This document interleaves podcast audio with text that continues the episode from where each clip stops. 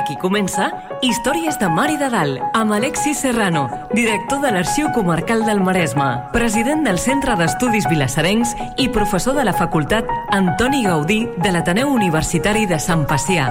Un programa sobre el nostre passat, les històries, les tradicions, els personatges i el patrimoni de Vilassar de Mar. Una producció del Centre d'Estudis Vilassarencs en col·laboració amb Vilassar Ràdio i sota la coordinació de Núria Gómez. L'1 d'abril de 1783, una comissió de vilasarencs de Mar va adreçar al monarca un pedimiento. La petició demanava al rei que tingués a bé demanar la segregació del territori i autoritzar que els veïns del veïnat costaner poguessin triar el seu propi consistori municipal amb regidors i alcalde propis. El rei Carles III ho autoritzà el 19 de novembre de 1784.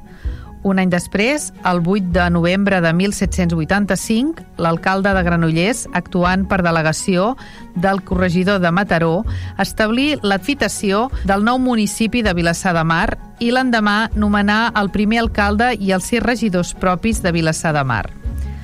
L'any 1984 es va fer tot un seguit de festes per celebrar el bicentenari de la segregació municipal. Es va intentar mantenir cada novembre la celebració, però no va reeixir i va caure aviat en desús, fins que el 1994 es va intentar reprendre. El 2009, en els 225 anys, es va fer una modesta celebració i en els darrers anys s'està intentant reviscular la festa per tal de convertir-la en la segona festa major. Avui, a Històries de Mar i de Dalt, parlem de la segregació municipal de Vilassar de Mar.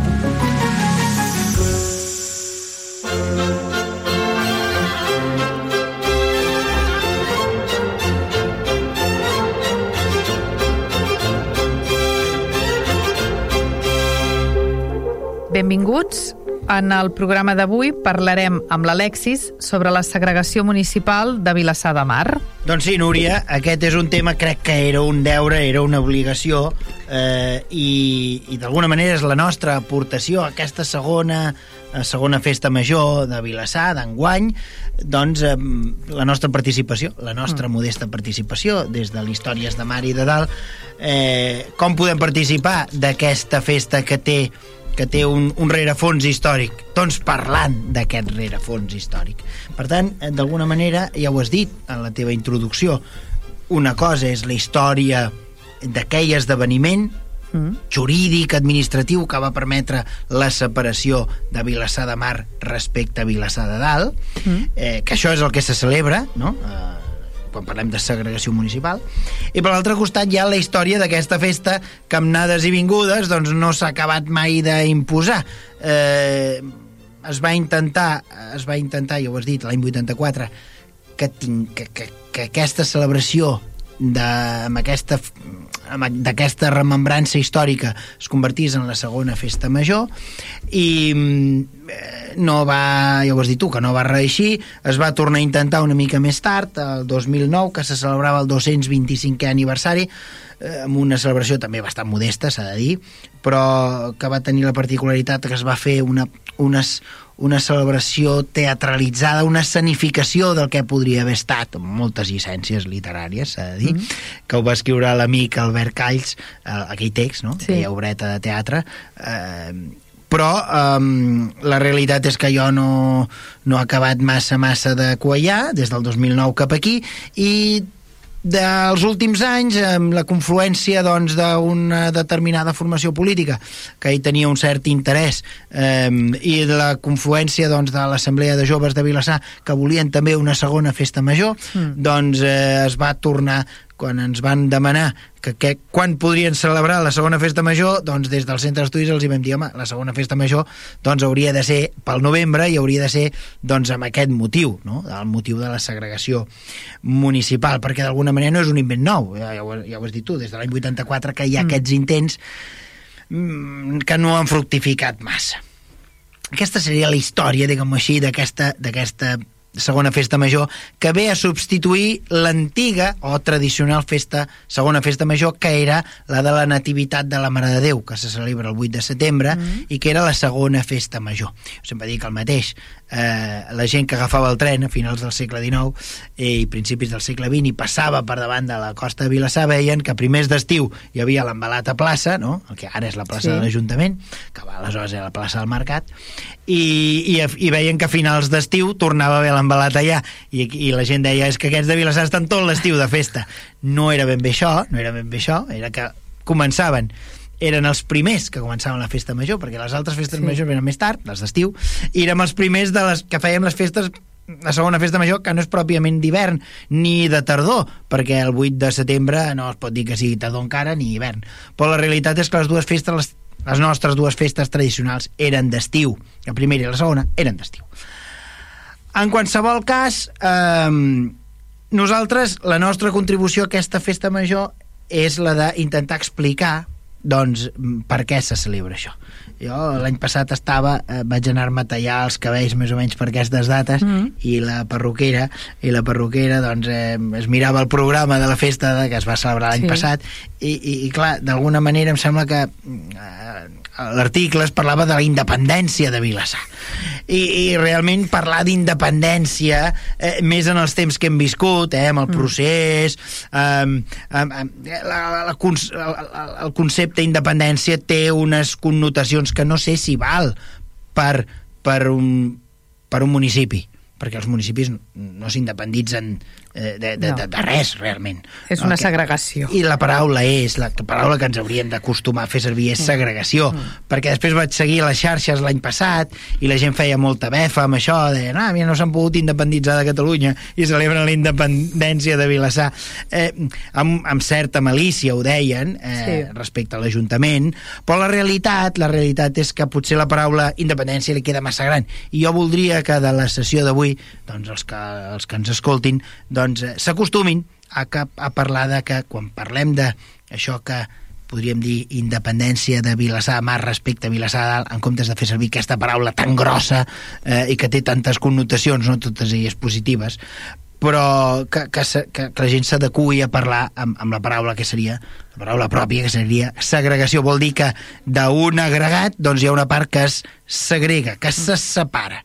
I, i això és, i això és el, que, el que vol dir segregació és una separació jurídica i administrativa. Vol dir que un territori, que abans era un territori més gran, a partir d'un cert moment es partirà en dos territoris i a cada un d'aquests eh, dos territoris hi haurà un ajuntament. Què és un ajuntament? A vegades ens costa perquè els arbres no ens deixen veure el bosc. Eh? Els polítics no ens deixen veure la realitat, però la realitat és que hi ha una administració que té una jurisdicció és a dir, que té un, un terme eh, que, eh, que s'acaba en algun lloc i comença la jurisdicció d'un altre. Uh mhm. -huh. I, per tant, un ajuntament és, eh, és la parcel·la més petita de la jurisdicció. Quan parlem de jurisdicció vol dir el lloc on un poder, una autoritat, s'aferma en una geografia determinada. I, I això és el que és una segregació municipal. És a dir, que una autoritat de rang superior reconeix que a partir d'un dia, doncs, pots eh, tenir el, la teva pròpia administració. I aquesta administració és feta per gent d'aquest nou territori vale? I, eh, i, i té aquesta jurisdicció. I tot això va passar un dia concret. Nosaltres el que celebrem, el que celebrem cada, cada any eh, és la, aquesta separació aquesta separació que es va produir el 19 de novembre de 1784.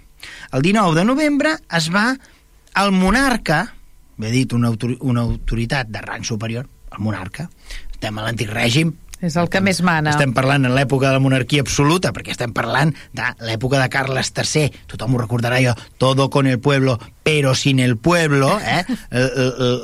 la monarquia eh, del despotisme il·lustrat, no? Mm. Parlem de l'època de l'època estrella, de l'època del poder concentrat, de tots els poders concentrat en una única persona, no? És l'època mm, de, de, de l'absolutisme més ple, el cas nostre és Carles III, és aquest monarca, i, i en, en temps d'aquest monarca, doncs, serà aquest monarca el que decidirà doncs, que eh, Vilassar de Mar pot esdevenir un territori amb un municipi separat.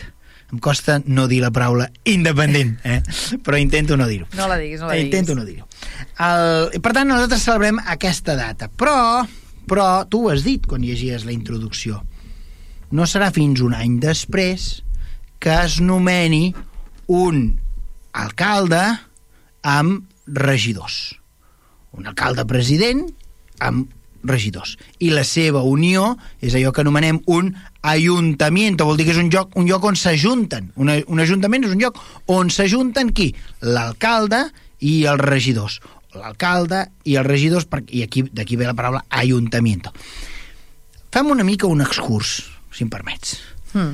Els ajuntaments a casa nostra, a Catalunya, abans, abans de la reforma borbònica, els ajuntaments es deien universitats o consells o es deien de diverses maneres. A casa nostra es deien o universitats o consells, o consells municipals.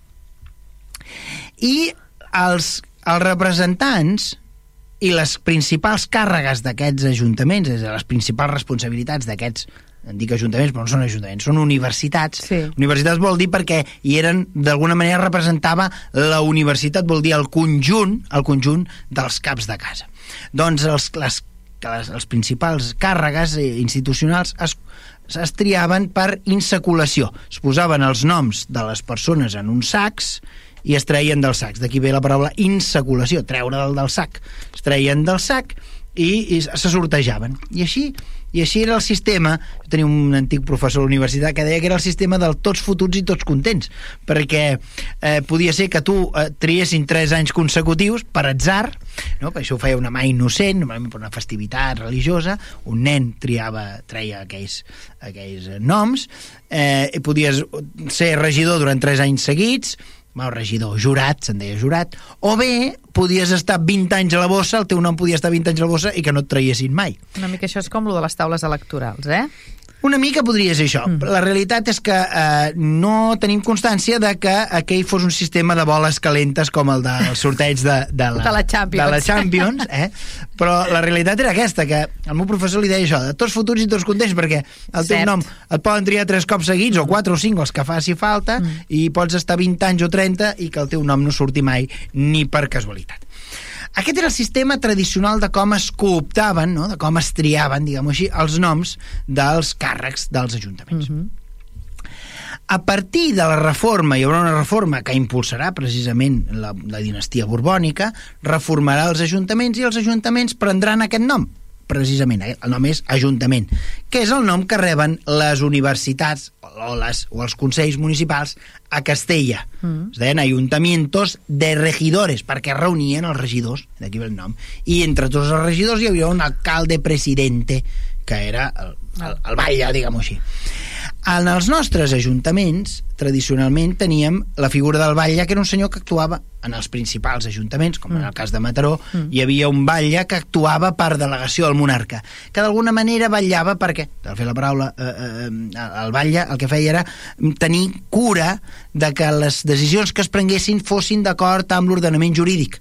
Per tant, el batlle era un representant del rei que estava a les sessions municipals per veure el que es feia i, i, i d'alguna manera prendre... Era un delegat del rei. Per, per tant, aquest venia mm, anomenat pel rei Exacte. o pel qui fos... No era triat per no era, no era d'aquests a la bossa. I després hi havia dos jurats que acostumaven a ser els dos alcaldes, diguem-ho així. Eren, normalment eren dos.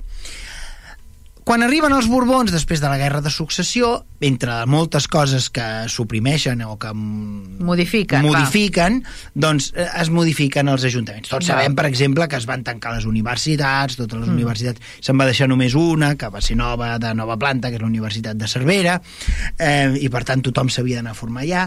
Eh, quan per, la Universitat de Cervera vol dir eh, l'universitat com a centre d'estudi. Mm. Me n'adono que aquí la paraula universitat sí. té una certa ambivalència. En època medieval, universitat vol dir conjunt de.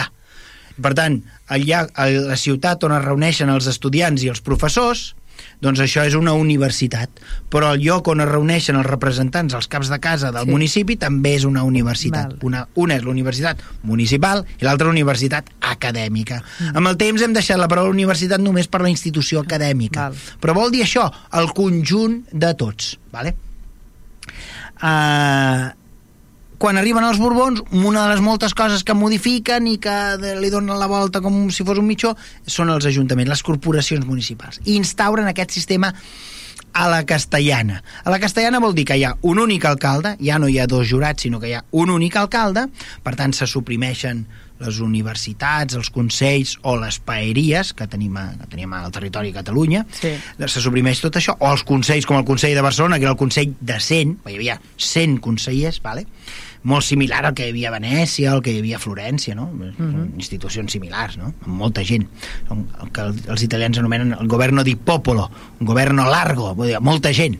Mm. Eh, nosaltres tants consellers com a Barcelona no en teníem a, ca a cap lloc, però que, que Barcelona era la ciutat més gran, Sí.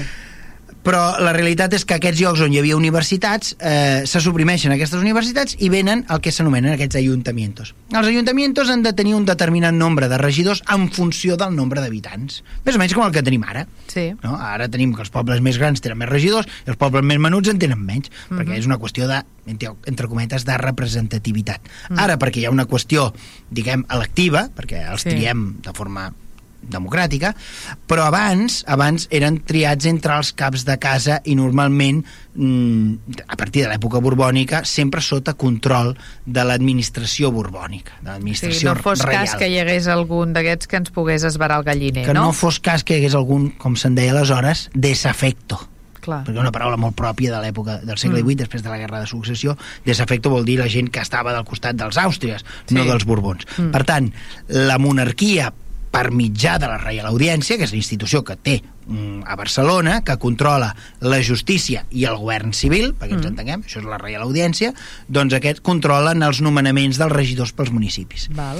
I per tant, Vilassar tenia, Vilassar, allò que anomenem el Vilassar històric, el segle, en tota la primera meitat del segle XVIII, Vilassar tenia sis regidors eh, ca- amb al capdavant un alcalde, sempre nomenats, sota l'estricta observança de la monarquia per mitjà de la Reial Audiència.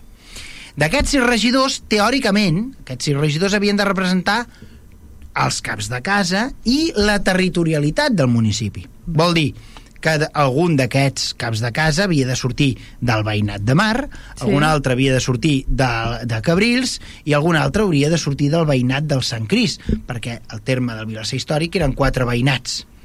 Tres han esdevingut municipis i un quart no que és el, el veïnat del Sant Cris, que ara No va dir Sant Cris no em sona de... forma part de, del, del terme municipal de Cabrils, aquest no es van independitzar, també tenia una demografia menor, però els altres dos, Cabrils i Vilassar de Mar, com tots sabem, van esdevenir municipis independents.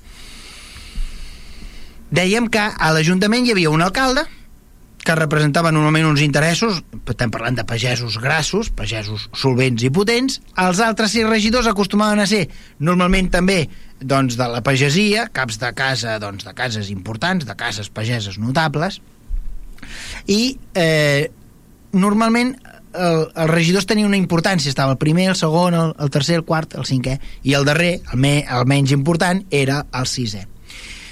Fins la segregació municipal, durant tot el segle XVIII, el, el regidor de, del veïnat de Mar no va passar mai de ser el cinquè lloc. De fet, en dos o tres ocasions va ser el cinquè. La major part dels queis governs locals, el regidor que representava el veïnat de Mar era, era el sisè. O sigui, l'últim, el menys important, era el del veïnat de Mar.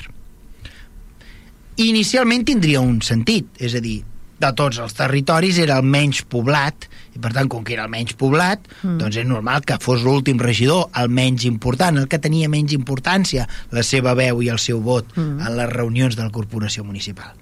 Però a mesura que va avançar en el segle XVIII, el veïnat de Mar cada vegada hi viu més gent mm. i a l'època, als anys 80, viu gairebé tanta gent a Vilassar de Mar com com a Vilassar dalt. Vilassar dalt encara hi viu una mica més de gent, mm. però s'està equilibrant la cosa. I al segle XIX ja es desequilibrarà del tot, i Vilassar de Mar viurà més gent que Vilassar de dalt. Però en aquesta època estem a l'època que la balança es comença a equilibrar però es comença a equilibrar en allò que diem demogràfic, no? Sí. nombre de gent, d'habitants, però no s'equilibra no des d'un punt de vista administratiu, jurídic o de, de, del que s'anomena, el de la representació sempre el regidor del veïnat de Mar serà el menys important a l'Ajuntament, a la corporació. I això, òbviament, pesa. Sí. Perquè vol dir que la gent d'aquí se sent menys tinguda des d'un punt de vista jurídic. Sí. Des d'un punt de vista jurídic a l'Ajuntament. Eh, aquest és un tema. És un dels temes que quan els de Vilassar el 1783 fan aquest pedimiento, no? aquesta petició al mm. monarca, eh, eh, ho, ho diuen. Diu, és que nosaltres eh, mm, no, no, no tenim massa pes en les decisions que es prenen allà dalt. Per tant, les decisions que es prenen allà dalt es prenen pensant en el veïnat d'allà dalt. Mm. I, i, I clar, aquí ja comença a viure molta gent i, i tindríem alguna cosa més a dir. Sí. I aquest és un dels arguments. Hi ha altres arguments. Eh, per exemple, per exemple, un dels altres arguments és que eh, no només és la representació, sinó que hi ha tots aquells altres arguments que han tenen a veure amb les decisions que pren l'Ajuntament. És a dir, sempre l'Ajuntament comença prenent les decisions primer pel que afecta al veïnat i les últimes decisions que es prenen són les dels veïnats perifèrics, Cabrils i Vilassamar per tant, si en aquest mes la, no s'ha arribat a debatre les qüestions, de, doncs quedaran pel ja, proper pel mes. mes. I que per l'altre mes, no? Perquè sempre, a veure, això eh, són els mecanismes del poder. Mm. Eh, això és així. Mm, això també ho veiem, no? Les sí. A Madrid sempre es prenen decisions que tenen més a veure amb la meseta, no? amb la ciutat, no? la villa de Madrid, i, i, i la perifèria doncs, sempre queda en un segon, sí. en un segon terme. Són els mecanismes del poder i de l'administració. Sí. Res nou, res nou. L'altra cosa que cal tenir present és que en aquest mateix segle els veïns de Vilassar, de Mar, del veïnat de Mar, han començat a construir la seva pròpia església. Ja fa temps. De fet, han començat l'any 26, 1726, han començat les obres de la construcció de l'església, una església que no ha de ser una parròquia independent, sinó que ha de ser una el que anomenem una església sufragània, és a dir, una església que depèn de la parròquia. Per tant, nosaltres no teníem res més que una, una, una capella on hi hauria de venir eventualment un capellà designat per Vilassar de Dalt, o pel mm. rector de Vilassar de Dalt, on s'hi fessin els serveis mm, religiosos bàsics indispensables. Mm -hmm però s'ha de dir que aquesta església s'ha construït bastant ràpid amb els donatius de la gent, perquè la gent està entusiasmada tenir una església a la vora.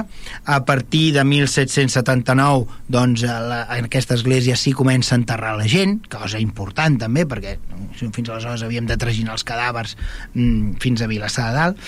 Eh, a partir d'un cert moment eh, es fan serveis religiosos cada dia, hi haurà un clergue més o menys afincat de forma més o menys estable, eh, un, mossèn Joan Mir, un fill de, de Can Mir, d'aquí de, de, del veïnat de Mar, serà el primer, això permet que cada dia es faci el rest del rosari, que es facin misses de, misses de forma més o menys contínues, però de totes formes segueixen mm, aquelles havien sigut els pretextos per, per tenir una església. Mm.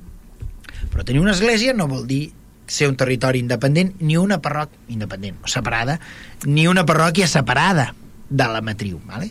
Estem a 1700, als anys 80 del segle XVIII i Vilassar té una església que és plenament funcional però que depèn del rector i per tant els beneficis que se'n deriven de cada funeral s'ha de pagar una part al rector de cada, els drets del rector que van íntimament lligats amb, amb, amb, doncs, doncs amb l'administració dels sacraments, etc etc. De fet, el rector el devia, es devia compartir amb, amb el Vilassar de Dalt o... Sí, sí, el rector era el mateix. Perquè era el mateix, el no? El rector era el mateix, passa que aquí hi havia un vicari. Val. A partir de 1777, aquest vicari serà anomenat vicari perpetu. Vol dir que tindrem el vicari que no serà No serà un vicari que anirà uns dies a Cabrils, uns dies a Vilassar Mar, uns altres dies... No, no, no. Serà un vicari que de forma perpètua, de forma permanent, viurà a la casa rectoral, que no és una casa rectoral, sinó que és la casa, és la vicaria. La vicaria és la casa que estava anexa a l'església, i aquí tindrem un, un capellà de forma més o menys estable. Per què? Perquè és importantíssim, quan una partera es posa de part, doncs sortir a batejar la criatura, mm. perquè és important que el capellà estigui a la vora de, de la gent quan es produeix el decés i poder fer els funerals, les exèquies ràpides. Per fer les últimes... Mm, bueno, per també apuntar les últimes voluntats perquè també. el capellà pot, també compleix sí. aquesta funció notarial, diguem-ho així l'extremunció volia dir i l'extremunció també, cosa importantíssima per a una societat de creients no? Sí. anar-se'n amb la tranquil·litat d'aquest món anar-se'n amb la tranquil·litat doncs, que aterraràs al proper, a l'altre món mm. eh, amb, amb la, acompanyat dels àngels sí però estem al 1784 l'Església té un vicari perpetu mm. però, però òbviament el rector segueix eh, cobrant les rendes no? Mm. Eh, per tant no tots els diners dels feligresos de Vilassar queden a l'Església de Vilassar punt primer, i després per l'altre costat tenim la qüestió jurídica administrativa és a dir, que l'alcalde segueix estant a, a, a, i l'Ajuntament, la corporació segueix estant a 3 quilòmetres mm què passa en, aquell, en aquest context? Que els vilassarencs diuen hem de demanar al monarca aquest permís. I hem dit que el, el monarca eh, li demanen el permís l'1 d'abril de 1783. Sí. L'1 d'abril de 1783 els vilassarencs fan una cosa molt rara. A nosaltres, als ulls nostres una cosa bastant rara que és que demanen permís a les autoritats per reunir-se amb els veïns perquè la major part dels veïns de Vilassar de Mar eren matriculats. Ara explicaré què era això. I l'altra meitat no ho eren. I no es podien reunir uns i uns altres. Els matriculats eren una gent que tenien un, un fur jurídic separat, independent. Una de les moltes modernitats que va incorporar la dinastia borbònica quan van arribar al, al tro a partir de l'any 1700, 1714, en el nostre cas, després de la Guerra de Successió, mm la, eh, va ser modernitzar la flota per modernitzar... Clar, perquè els, els, la monarquia borbònica havia mm. vist que sí, havien posat les, les tropes franceses de l'exèrcit, que s'anomena de les dues flors de lis, les, les tropes franceses, les tropes castellanes, contra les tropes austriòfiles, però els austriacistes, no? la Casa d'Àustria, sí. tenia els primos de Somosol darrere, que eren eh, la, la monarquia britànica, la, els holandesos eh, i, i els portuguesos. Curiosament, tres potències marítimes atlàntiques, que tenien unes, flot unes flotes que déu nhi sí. Què passa? Eh, Barcelona va rebre sempre mm, provisions i, i, i, i els barquís per aquesta nostra costa es van desembarcar les tropes aliades, sí. a, a, alemanyes, però també angleses, portugueses i holandeses, i per tant el, el, el, el primer monarca francès, eh, el, Felip, Felip V, el primer que farà és deia, nosaltres hem de crear una flota potent. Primer per mantenir l'imperi colonial, perquè encara sí. tenim mig món, eh, forma part de l'imperi espanyol, i en segon lloc per protegir-nos davant de les possibles agressions dels, sobretot bàsicament dels britànics, que són la potència que a partir d'aquest moment pujarà com la, fins les estrelles. Uh mhm. -huh. No és debades que els britànics, per negociar la pau, diran, nosaltres ens quedem dos coses. Volem dos coses i signem la pau. Gibraltar i Menorca. Gibraltar és la porta al Mediterrani, que encara ostenten, i Menorca, que bueno, la van perdre, la van recuperar, la van perdre, la van perdre però la realitat és que Menorca era el portaavions, eh, sí. d'alguna manera, fent el símil, segle XVIII no hi havia avions, hi havia barcos, però el port de Maó és el principal port del Mediterrani occidental i per tant tenir el port de Maó no és una cosa menor i els britànics diuen no, nosaltres volem això davant d'aquesta situació els, els britànics ai, perdó, els espanyols diuen nosaltres hem de crear la nostra gran flota com la farem? Doncs matriculant a la gent de mar. Què vol dir matricular a la gent de mar? Farem unes nòmines, unes llistes infinites, mm. de tota la gent que viu a la costa i que té feines marítimes. Quines són? pescadors, mariners, capitans, pilots, constructors navals, mestres d'aixa, calafats, corders, velers, és tota aquesta gent, peixaters, gent que té oficis en relació a la mar. Mar. Uh -huh. I, per tant, tot aquest coneixement i tota aquesta eh, saviesa, perquè la gent de mar és molt sàvia, tota aquesta saviesa ha d'estar al servei de la flota eh, del monarca. Cada cop que el monarca vulgui, pot cridar aquesta gent a mm, mm, formar part de, les, de la flota reial. Val. Per tant, aquesta gent eh, tenen, tenen un problema. Bueno, tenen un problema, que si el monarca els crida faran tants anys de servei militar com el monarca digui, i per tant, però se'ls ha de donar alguna contraprestació, perquè Clar. si tot és dolent, llavors els hi van dir, no, vosaltres tindreu un fur especial, tindreu els vostres propis notaris, els vostres propis tribunals, i, de, i tindreu un, una, una consideració jurídica diferent a la dels no matriculats. Val. No matriculats, digueu-li com vulgueu, terrestres, pagesos, eh, gent que no era de mar. Aquí a Vilassar de Mar, més de la meitat de la població eren matriculats, Val. perquè No, per clar. qüestions òbvies, vivien Sí. aquí davant del mar, treballaven de la pesca, de la marineria, de la construcció nàutica... I per tant el primer que van haver de fer va ser demanar permís a les autoritats per poder reunir els matriculats i els no matriculats. Que eren, clar, tenien classes diferents, Eren no? dues classes, Classes. diferents, sí, Mm. sí. Llavors, un cop units, diuen, no, no ens hem de posar d'acord perquè mm, tots volem una cosa, tenir un municipi separat, un municipi propi, municipi propi on siguin els caps de casa de les cases del veïnat del mar que, mm, que representin a si mateixos. Llavors... I que decideixin coses més per nosaltres i no tan general per tothom. l'administració comú i normal, Sí, que després exacte. veurem quina era l'administració municipi de l'època, perquè és molt diferent a la d'ara, eh? I això és el que fan l'1 d'abril de 1783. El, el que no sabem i no he trobat mai en lloc és què van pagar aquests veïns de mar perquè el monarca, el 19 de novembre, signés aquesta autorització. Ah, perquè això gratis no es fa, eh? No, Val. el que no sabem és eh, eh, no, no, no, és que, no és que no no és que tingui un preu establert no és que hi hagi a la Gaceta de Madrid un llistat de preus todas aquellas, todas aquellas pedanías que se quieran segregar de sus municipios matriz tienen que pagar tanto no no, això no existeix Val. el que sí que sabem és que com funcionava la maranya administrativa eh, fins al monarca han de passar molts, molts filtres. I els filtres a l'antic règim eren eh, tan o més corruptes com els dels nostres dies d'ara. Segur, molt més, molt més. Pensem que els càrrecs tots es compraven. Lo normal era comprar els càrrecs. I i els favors es compraven. I que el monarca rebés el teu expedient i el tingués sobre la taula per signar-lo abans que el de molts altres, doncs tenia un preu. Val. i si nosaltres veiem que la petició, la reunió per, fer, per, per redactar aquest, aquest pedimiento al monarca es fa l'abril del 83 i que la resolució arriba el 19 de novembre de 1784 va, Va anar prou ràpid. relativament ràpid fins i tot pels nostres temps d'ara Sí. no? Sí. el monarca va valorar a partir d'una carta va valorar mm, bé, els, de, els del veïnat de Mar van enviar aquest pedimiento els del veïnat de Vilassar de Dalt va, no es van quedar de braços creuats Ah, van escriure els seus al·legats a aquest pedimiento i a cada cosa que argumentaven els vilassarencs de Mar responien els vilassarencs de Dalt dient que, bueno, que, ja, que, no, era per, que no era per tant, etc Ja. etc. Bueno, la qüestió és que el monarca va fallar a favor dels veïns de Mar aquest 19 de novembre de 1784, que és el que ce- celebrem. O sigui, celebrem algo tan democràtic com que aquell dia el monarca ens va donar una gràcia que ens va costar un dineral segur, perquè, insisteixo, s'han de pagar molts filtres que han de passar fins a arribar al monarca. No dic que el monarca parés la mà directament, eh? però No. el secretari d'Estado, el secretari del secretari d'Estado, eh? i anar baixant, i anar baixant, i anar baixant, vale? Sí. perquè això arriba, a, arriba al Consell de Ministres.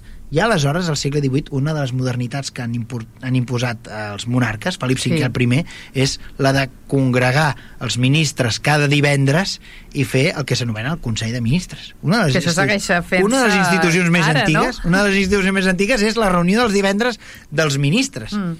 Mm, no hi havia encara la figura del primer ministre, Mhm. eh, que de fet s'hauria de dir primer ministre, perquè no diríem pre- president del govern, però bueno, en fi, nosaltres. Bueno, fora diuen el primer ministre. Però realment, realment Mm. és això, és a dir, d'entre els ministres el monarca tria un primer ministre. Val. Ara és al revés. Ara les cambres trien un, un primer ministre i aquest tria els ministres. Els ministres, sí. eh, és una mica diferent. Mm. Mm, però bueno, la qüestió és que el monarca, en una reunió d'un divendres, mm, decideix això. I això es publica el 19 de novembre de 1784. És el que celebrem. Però alerta, entre el 19 de novembre de 1784 fins al 8 de novembre de 1785 no hi haurà un municipi independent o segregat, perdoneu o sigui, el 8 de novembre del, del 8 de 1785 ja podem tenir un ajuntament amb el nostre alcalde i els, els nostres, nostres regidors. regidors. Val. O sigui, que el que celebrem el 19 no és que ja tenim ajuntament, sinó que el monarca ens dona permís per, Per tenir-lo. tenir-lo. I que ens hagi donat permís per tenir-ho significa que ha de venir algú altre per delegació del monarca i fer dues coses importants. Una, dir on acaba el municipi Val. antic de Vilassar de Dalt i on comença el municipi nou de Vilassar de Mar. I això és el que s'anomena l'atermenament o l'afitació. En castellà, la paraula sona una mica malament, és el amojonamiento, perquè s'han de posar els mojones. Un mojón, ara té una altra excepció, però un mojón és una fita, és una Va. pedra en el camí Sí. que porta, normalment porta com a mínim dos noms. Porta el nom d'un municipi i d'un altre, és a dir, Val. fins a aquesta pedra eh, és aquest municipi, i a partir d'aquesta pedra, d'aquesta mateixa pedra, és aquell altre municipi. A vegades poden, ser, poden arribar a ser 3 o 4, perquè si aquella pedra parteix quatre termes municipals, doncs una pedra mateixa pot tenir quatre noms. Uh -huh. Però això ja és més, ja és més raro. En qualsevol cas, el, el que es fa el 8 de novembre de 1785, que és la data que hauríem de celebrar, eh? no ho digueu a ningú, però la data que celebrem jo crec que és errònia. Val. Celebrem la data que el monarca ho va, ho va sign- signar, Mm. Però no és que ho signés avui i avui mateix tinguéssim un ajuntament, No. vol dir l'any següent, ben bé un any, eh? el novembre de l'any següent, anem de novembre a novembre, doncs el novembre de l'any següent vindrà una persona, ja ho has dit abans, l'alcalde de Granollers per delegació de l'alcalde de Mataró. L'alcalde de Mataró és el corregidor. Uh -huh. Si voleu, després parlem de, de, de com funcionava l'administració borbònica a l'època. Mm. Però hi havia uns alcaldes que eren importants, més importants que els altres, que eren els que eren els corregidores. Estem un altre cop amb la paraula regidor. Vale? El, els, els alcaldes corregidores eren els que eren els que administraven no només la seva ciutat, sinó el seu corregiment. Vilassar estava incorporat al corregiment de Mataró. Val. Mataró tenia un corregiment, tenia un dels corregiments de Catalunya més gran.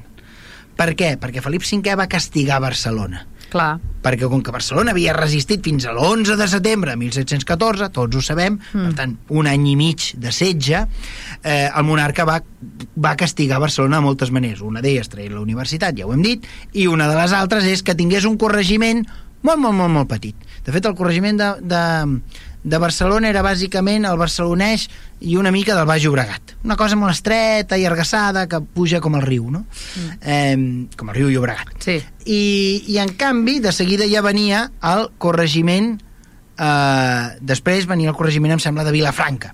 Us imagineu com era d'estret el corregiment de Barcelona i el corregiment de Mataró era pràcticament eh, anava fins a Montserrat Imagina't. o sigui, eren els dos vallesos i una mica més era, e- eren els dos vallesos nostres d'ara mig Maresme, perquè anava fins a Caldes anava des de des de, Mon, des de Montgat, em sembla, fins a Caldes i després feia tot per la part de dins els dos vallesos i una mica més perquè clar, em sembla que ja seria fins a Montserrat, Monistrol, Olesa tot allò encara era del, corregi, del corregiment o sigui, era una administració diguem així, protoprovincial Val. vale? El corregidor tenia l'escomesa d'organitzar eh, l'exèrcit i la lleva en el territori mm. i a més a més altres qüestions administratives i jurídiques actuant per delegació de la Reial Audiència. Quan la Reial Audiència eh, comunica, rep la notificació el 19 de novembre de 1784 que els de Vilassar de Mar es poden segregar, ho notifica el de, el de Mataró i el de Mataró ho en- envia l'encàrrec al de Granollers, sembla mentida, però serà l'alcalde de, de Granollers, que no és l'alcalde major de Mataró, que és un altre, és l'alcalde de Granollers, que està diguem així, jurídicament per sota el de Mataró, no? Mm, ell vindrà, vindrà l'alcalde de, de, de Granollers Sí. i manarà fer la partió. Val. Dirà fins aquí Vilassar de Mar i fins aquí Vilassar de Dalt. I aleshores, perquè ho tenim molt ben documentat, en aquesta època, als anys 60, 70 i 80, ja es parlava de Vilassar de Mar i de Vilassar de Dalt. No, no, no és una cosa nova que neixi amb la separació.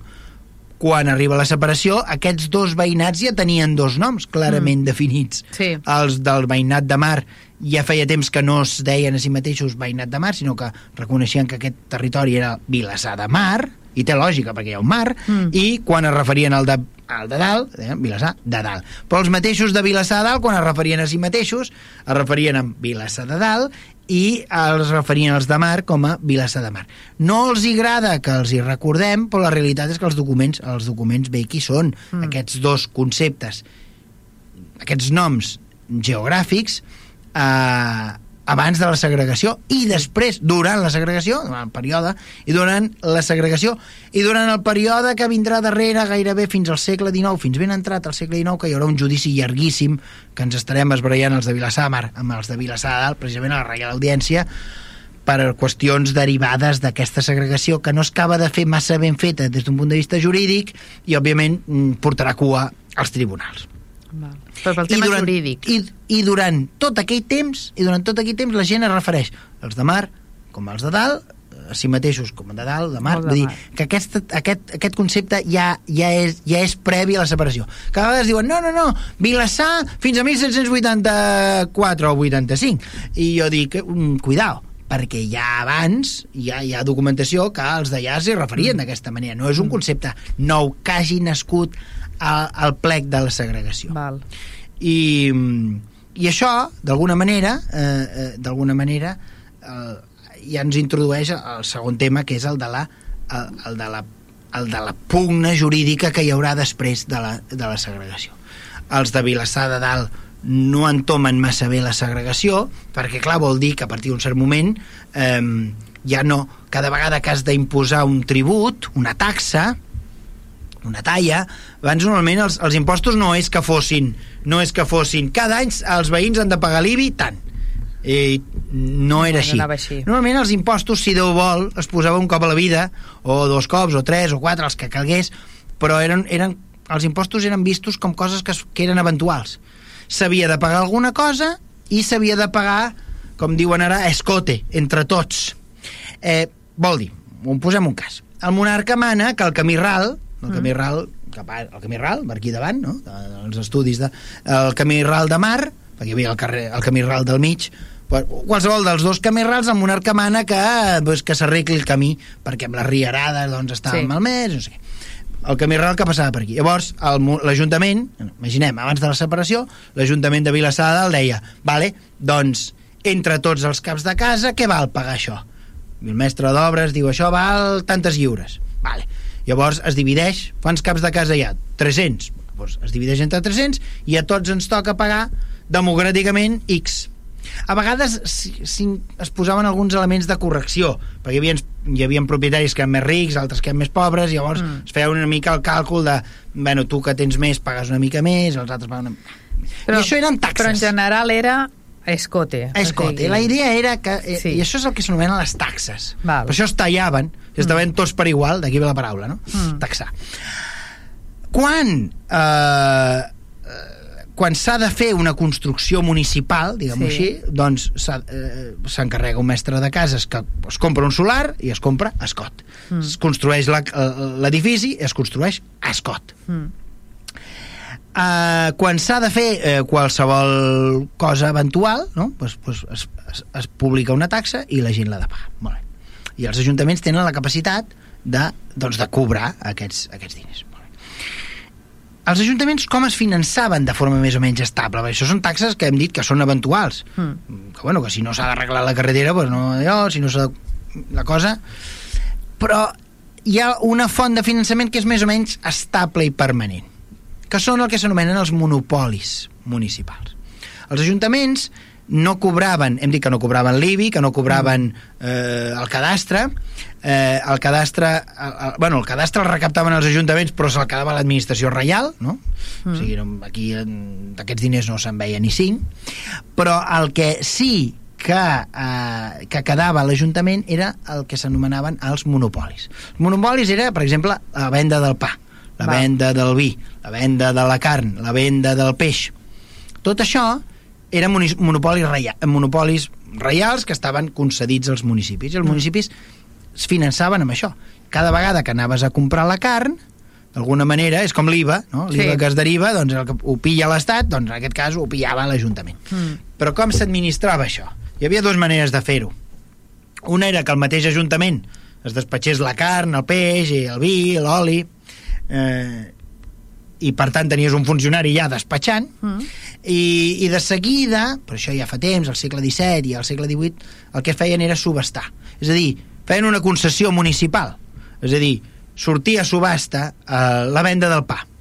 Llavors el, la gent deia pues, pues, pues, bueno, pues, una subhasta i deia, jo ofereixo 1.000 l'altre deia, on ofereixo 2.000 i l'altre jo ofereixo 3.000 i el que posava més diners Mm. doncs s'enduia l'arrendament que es deia no? el, el lloguer de la, del dret a vendre pa vol dir que si havies posat 3.000 durant tot un any que despatxaves pa havies de recuperar eh, aquests 3.000 vol dir que posaves el preu del pa òbviament per poder recuperar jugant amb la el inversió. preu, amb el preu, la feina, etc. Sí. Vale? I això se subestava. Clar, no és el mateix ser un municipi que té, ara m'ho invento, mm, 800 caps de casa, a cada un dia per l'altre, 400 caps de casa Marxin. marxin. S'ha- jo, jo entenc que t'ha de costar Sí. assumir això. Hi ha menys despesa, és veritat. Del camí ral de mar ja no pagarem ni 5, els de. Vilassar de Dalt. Pagarem el del mig, perquè el del mig el compartirem. Mm. Vilassar de Dalt, Vilassar de Mar i Cabrils, no? Però, però el camí ral del mig perquè és la partió entre els dos Vilassars, no? Per Sí. allà es passarà, per allà es posaran les fites del, del terme. Però, però la realitat és que d'un dia per l'altre administrar la meitat dels, dels ingressos no agrada. Gens. I a més a més, es havia produït un altre factor que era més aviat puntual, que és que l'any 1762, per tant, uns escassos, uns escassos anys abans de, de que es produís la segregació, l'Ajuntament de Vilassar havia manat construir un edifici al peu del camí ral del mig, ai, el camí ral del mar, que és per on passava la major part del tràfic comercial entre Barcelona i Mataró, Mm. que és l'actual edifici de la Criptoteca Monjo. L'actual Museu Monjo era aquest edifici que es va construir el 1762 per ser la seu dels monopolis municipals. Allà es despatxava el, pi, el vi, el peix, la carn, el pa, els cereals, etc etc. Tot allò que eren monopolis municipals. Clar, l'Ajuntament havia contret el, contret, l'Ajuntament de Vilassar de Dalt havia contret el deute per construir aquell edifici, però a partir d'un cert moment, quan se segrega Vilassar de Mar, aquell edifici està aquí, no està allà dalt. El deute el tenen ells el i el deute, benefici el està deute aquí. el tenen ells, Va. però òbviament en aquell edifici, justament en aquell edifici serà on s'establirà la primera corporació municipal. Val. De fet, l'Ajuntament hi va estar ja fins al segle fins al segle fins a mitjans del segle XX, fins a 1965 més o menys, que és quan es va construir l'edifici nou a la plaça de Vendre, fins aleshores plaça de Vendre, ara ja sí, plaça de l'Ajuntament. Es va instal·lar ja l'Ajuntament i a més a més allà hi havia la Gutzil, eh, que era l'únic funcionari municipal, diguem-ho així. No sé si funcionari seria la, paraula, però sí treballador municipal que hi havia en aquesta època. Mm. Òbviament això va acabar als tribunals.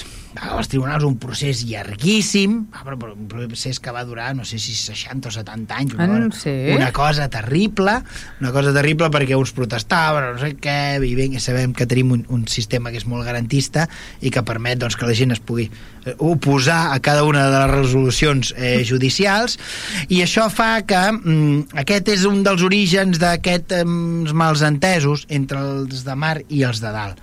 Eh, L'altre és el del nom, que, Mm. en fi, uns sostenen doncs, que el, el privilegi de dir Vilassar només és per ells, altres sostenim que el concepte Vilassar, a partir de 1784 barra 85, eh, ja no és ben bé el mateix, perquè quan abans parlàvem de Vilassar vol dir que anava des del mar fins a Vallromanes, Mm. i parlàvem de quatre veïnats, no? Vilassar Sí. de Mar, el Sant Cris, el Cabrils i Vilassar de Dalt, i a partir de 1784 barra 85 mm, això, aquesta realitat jurídica no existeix Sí. no, jo crec que el concepte Vilassar s'hauria de fer servir única i exclusivament quan parlem per escrit, quan parlem de realitats anteriors a 1784 Mhm. però a partir d'aleshores ja no Mm. i, i una altra de les coses eh, una altra de les coses que, eh, que permet eh, veure aquell text que va manar el monarca el 19 de novembre de 1784, allò que celebrem, és que el monarca diu que en endavant, en endavant, l'Església podrà ser separada també en lo terrenal i en lo espiritual.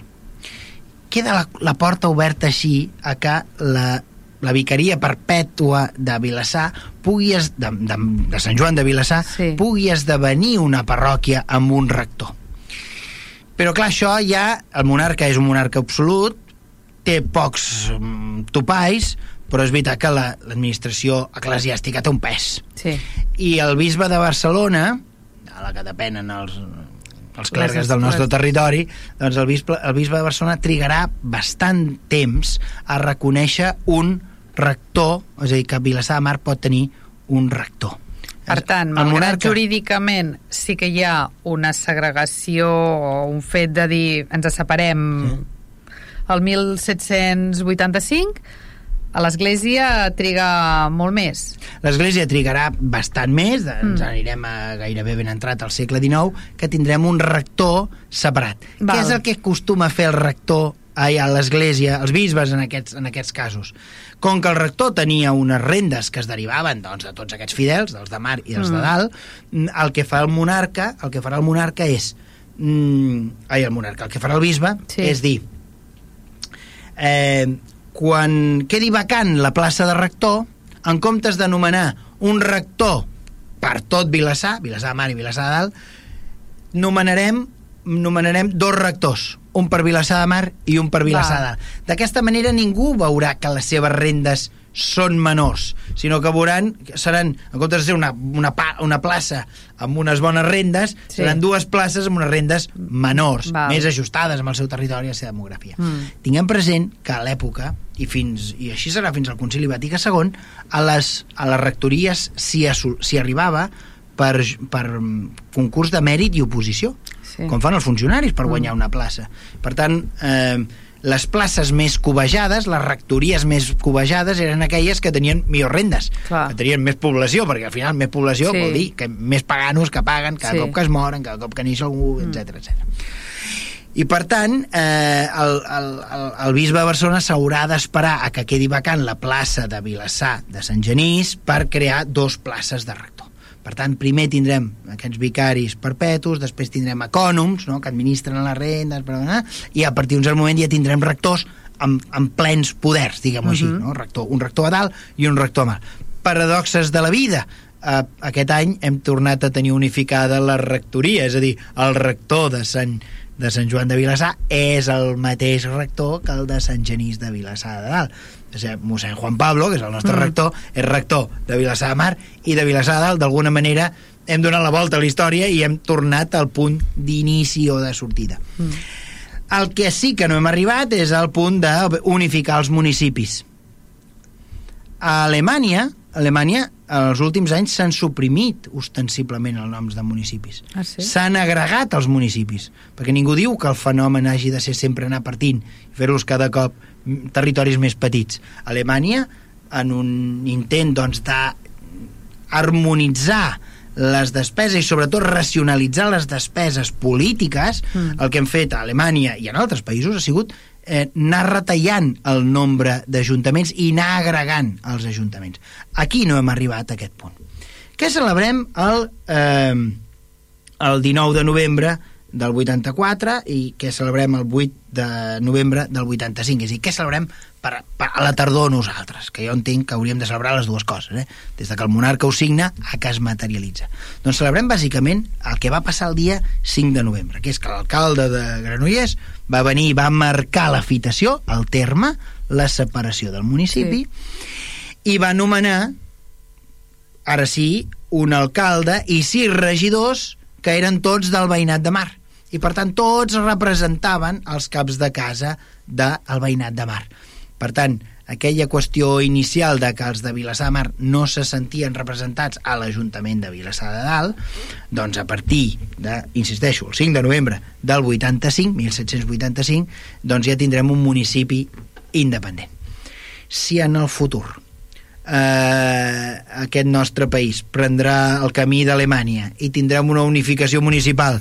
I ens tornarem a unir. l'Ajuntament de Vilassar de Mar i l'Ajuntament de Vilassar de Dalt no ho, no ho sap ningú. No em sembla que la cosa vagi per aquí, perquè aquestes decisions ja no les pren un monarca absolut, sinó que les prenen els mateixos polítics, i em sembla que els polítics el que volen és que hi hagi molts llocs per poder-se repartir, per poder anar colonitzant, valgui per als ajuntaments, per als consells, per les diputacions, per als consells, els governs autonòmics, el Congrés, el Senat, Europa, el Parlament Europeu, etc etc. Mm -hmm. Però la realitat és que nosaltres el que celebrem, hem intentat explicar-ho, no sé com anem de temps, Bé. hem intentat explicar des d'aquest nostre programa és que el que celebrem per la festa de la tardor és bàsicament aquest fenomen històric. Primer, que es van poder juntar els matriculats amb els no matriculats per fer aquesta reunió i poder demanar al monarca eh, el permís mm. per, per, per separar-se que el monarca al cap de, al cap d'un any ho va signar, ho sí. va autoritzar i que al cap d'un altre any, ja estem al 1785, per tant és una cosa que passa entre el 83 i el 85, molt mm. ràpidament, de fet. Doncs el monarca, doncs, via alcalde de Granollers per delegació del corregidor de Matró, va separar el terme de Mar i de Dalt i quedarà una peça pendent, que és la de la segregació de Cabrils. Sí. Cabrils trigarà una estona més a retirar-se. La separació de Cabrils es produirà just després de la, de la ja ho diré tot cantant de la proclamació o la promulgació de la llei bueno, la llei de la Constitució de 1812 la PEPA, no? Sí. es va proclamar el dia de Sant Josep la Pepa, jo de viva la Pepa doncs eh, en virtut de l'aplicació d'aquella llei es van succeir una sèrie de, de governs progressistes mm. i els de Cabrils es van independitzar a partir d'aquella llei d'aquella Constitució Després va tornar Ferran VII, monarca absolut, va derogar la Constitució, va dir que tots els actes administratius que s'havien fet a partir d'aquella Constitució eren nuls Eren. i els de Cabrils van haver de tornar a tramitar la segregació. Sa- Quelcom similar al que els hi va passar als veïns del Masnou. Va. Masnou, veient com els hi havia anat els de Vilassar de Mar, van intentar fer el mateix, ho van fer en els mateixos termes que els de Cabrils, és a dir, Sí. en virtut de la llei, de la, de la, de la Constitució de la PEPA, va tornar Ferran VII, va derogar aquella primera segregació municipal de Cabrils i del Masnou, i a partir d'aquí l'hauran de tornar a tramitar. I eh, Cabrils i Masnou seran municipis segregats mm, una mica més tard, ja als anys 20 del segle XIX. Ara sí que ja se'ns ha, se'ns ha tirat el temps a sobre. Ho deixem aquí. Recordeu que podeu tornar a escoltar el programa a través de vilassarradio.cat i a Spotify buscant històries de mar i de dalt. També us podeu subscriure al canal de Spotify per rebre el programa cada setmana. Adeu i fins al proper programa.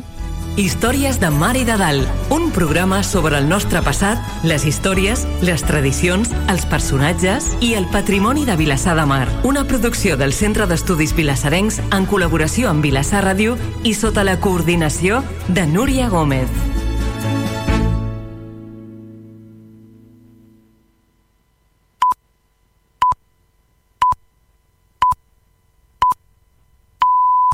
Vilassar Ràdio són les 10 de la nit. Servei d'acreditació de competències professionals. Jo he treballat de pintora i ho he acreditat. Jo he après a reparar cotxes i ho he acreditat.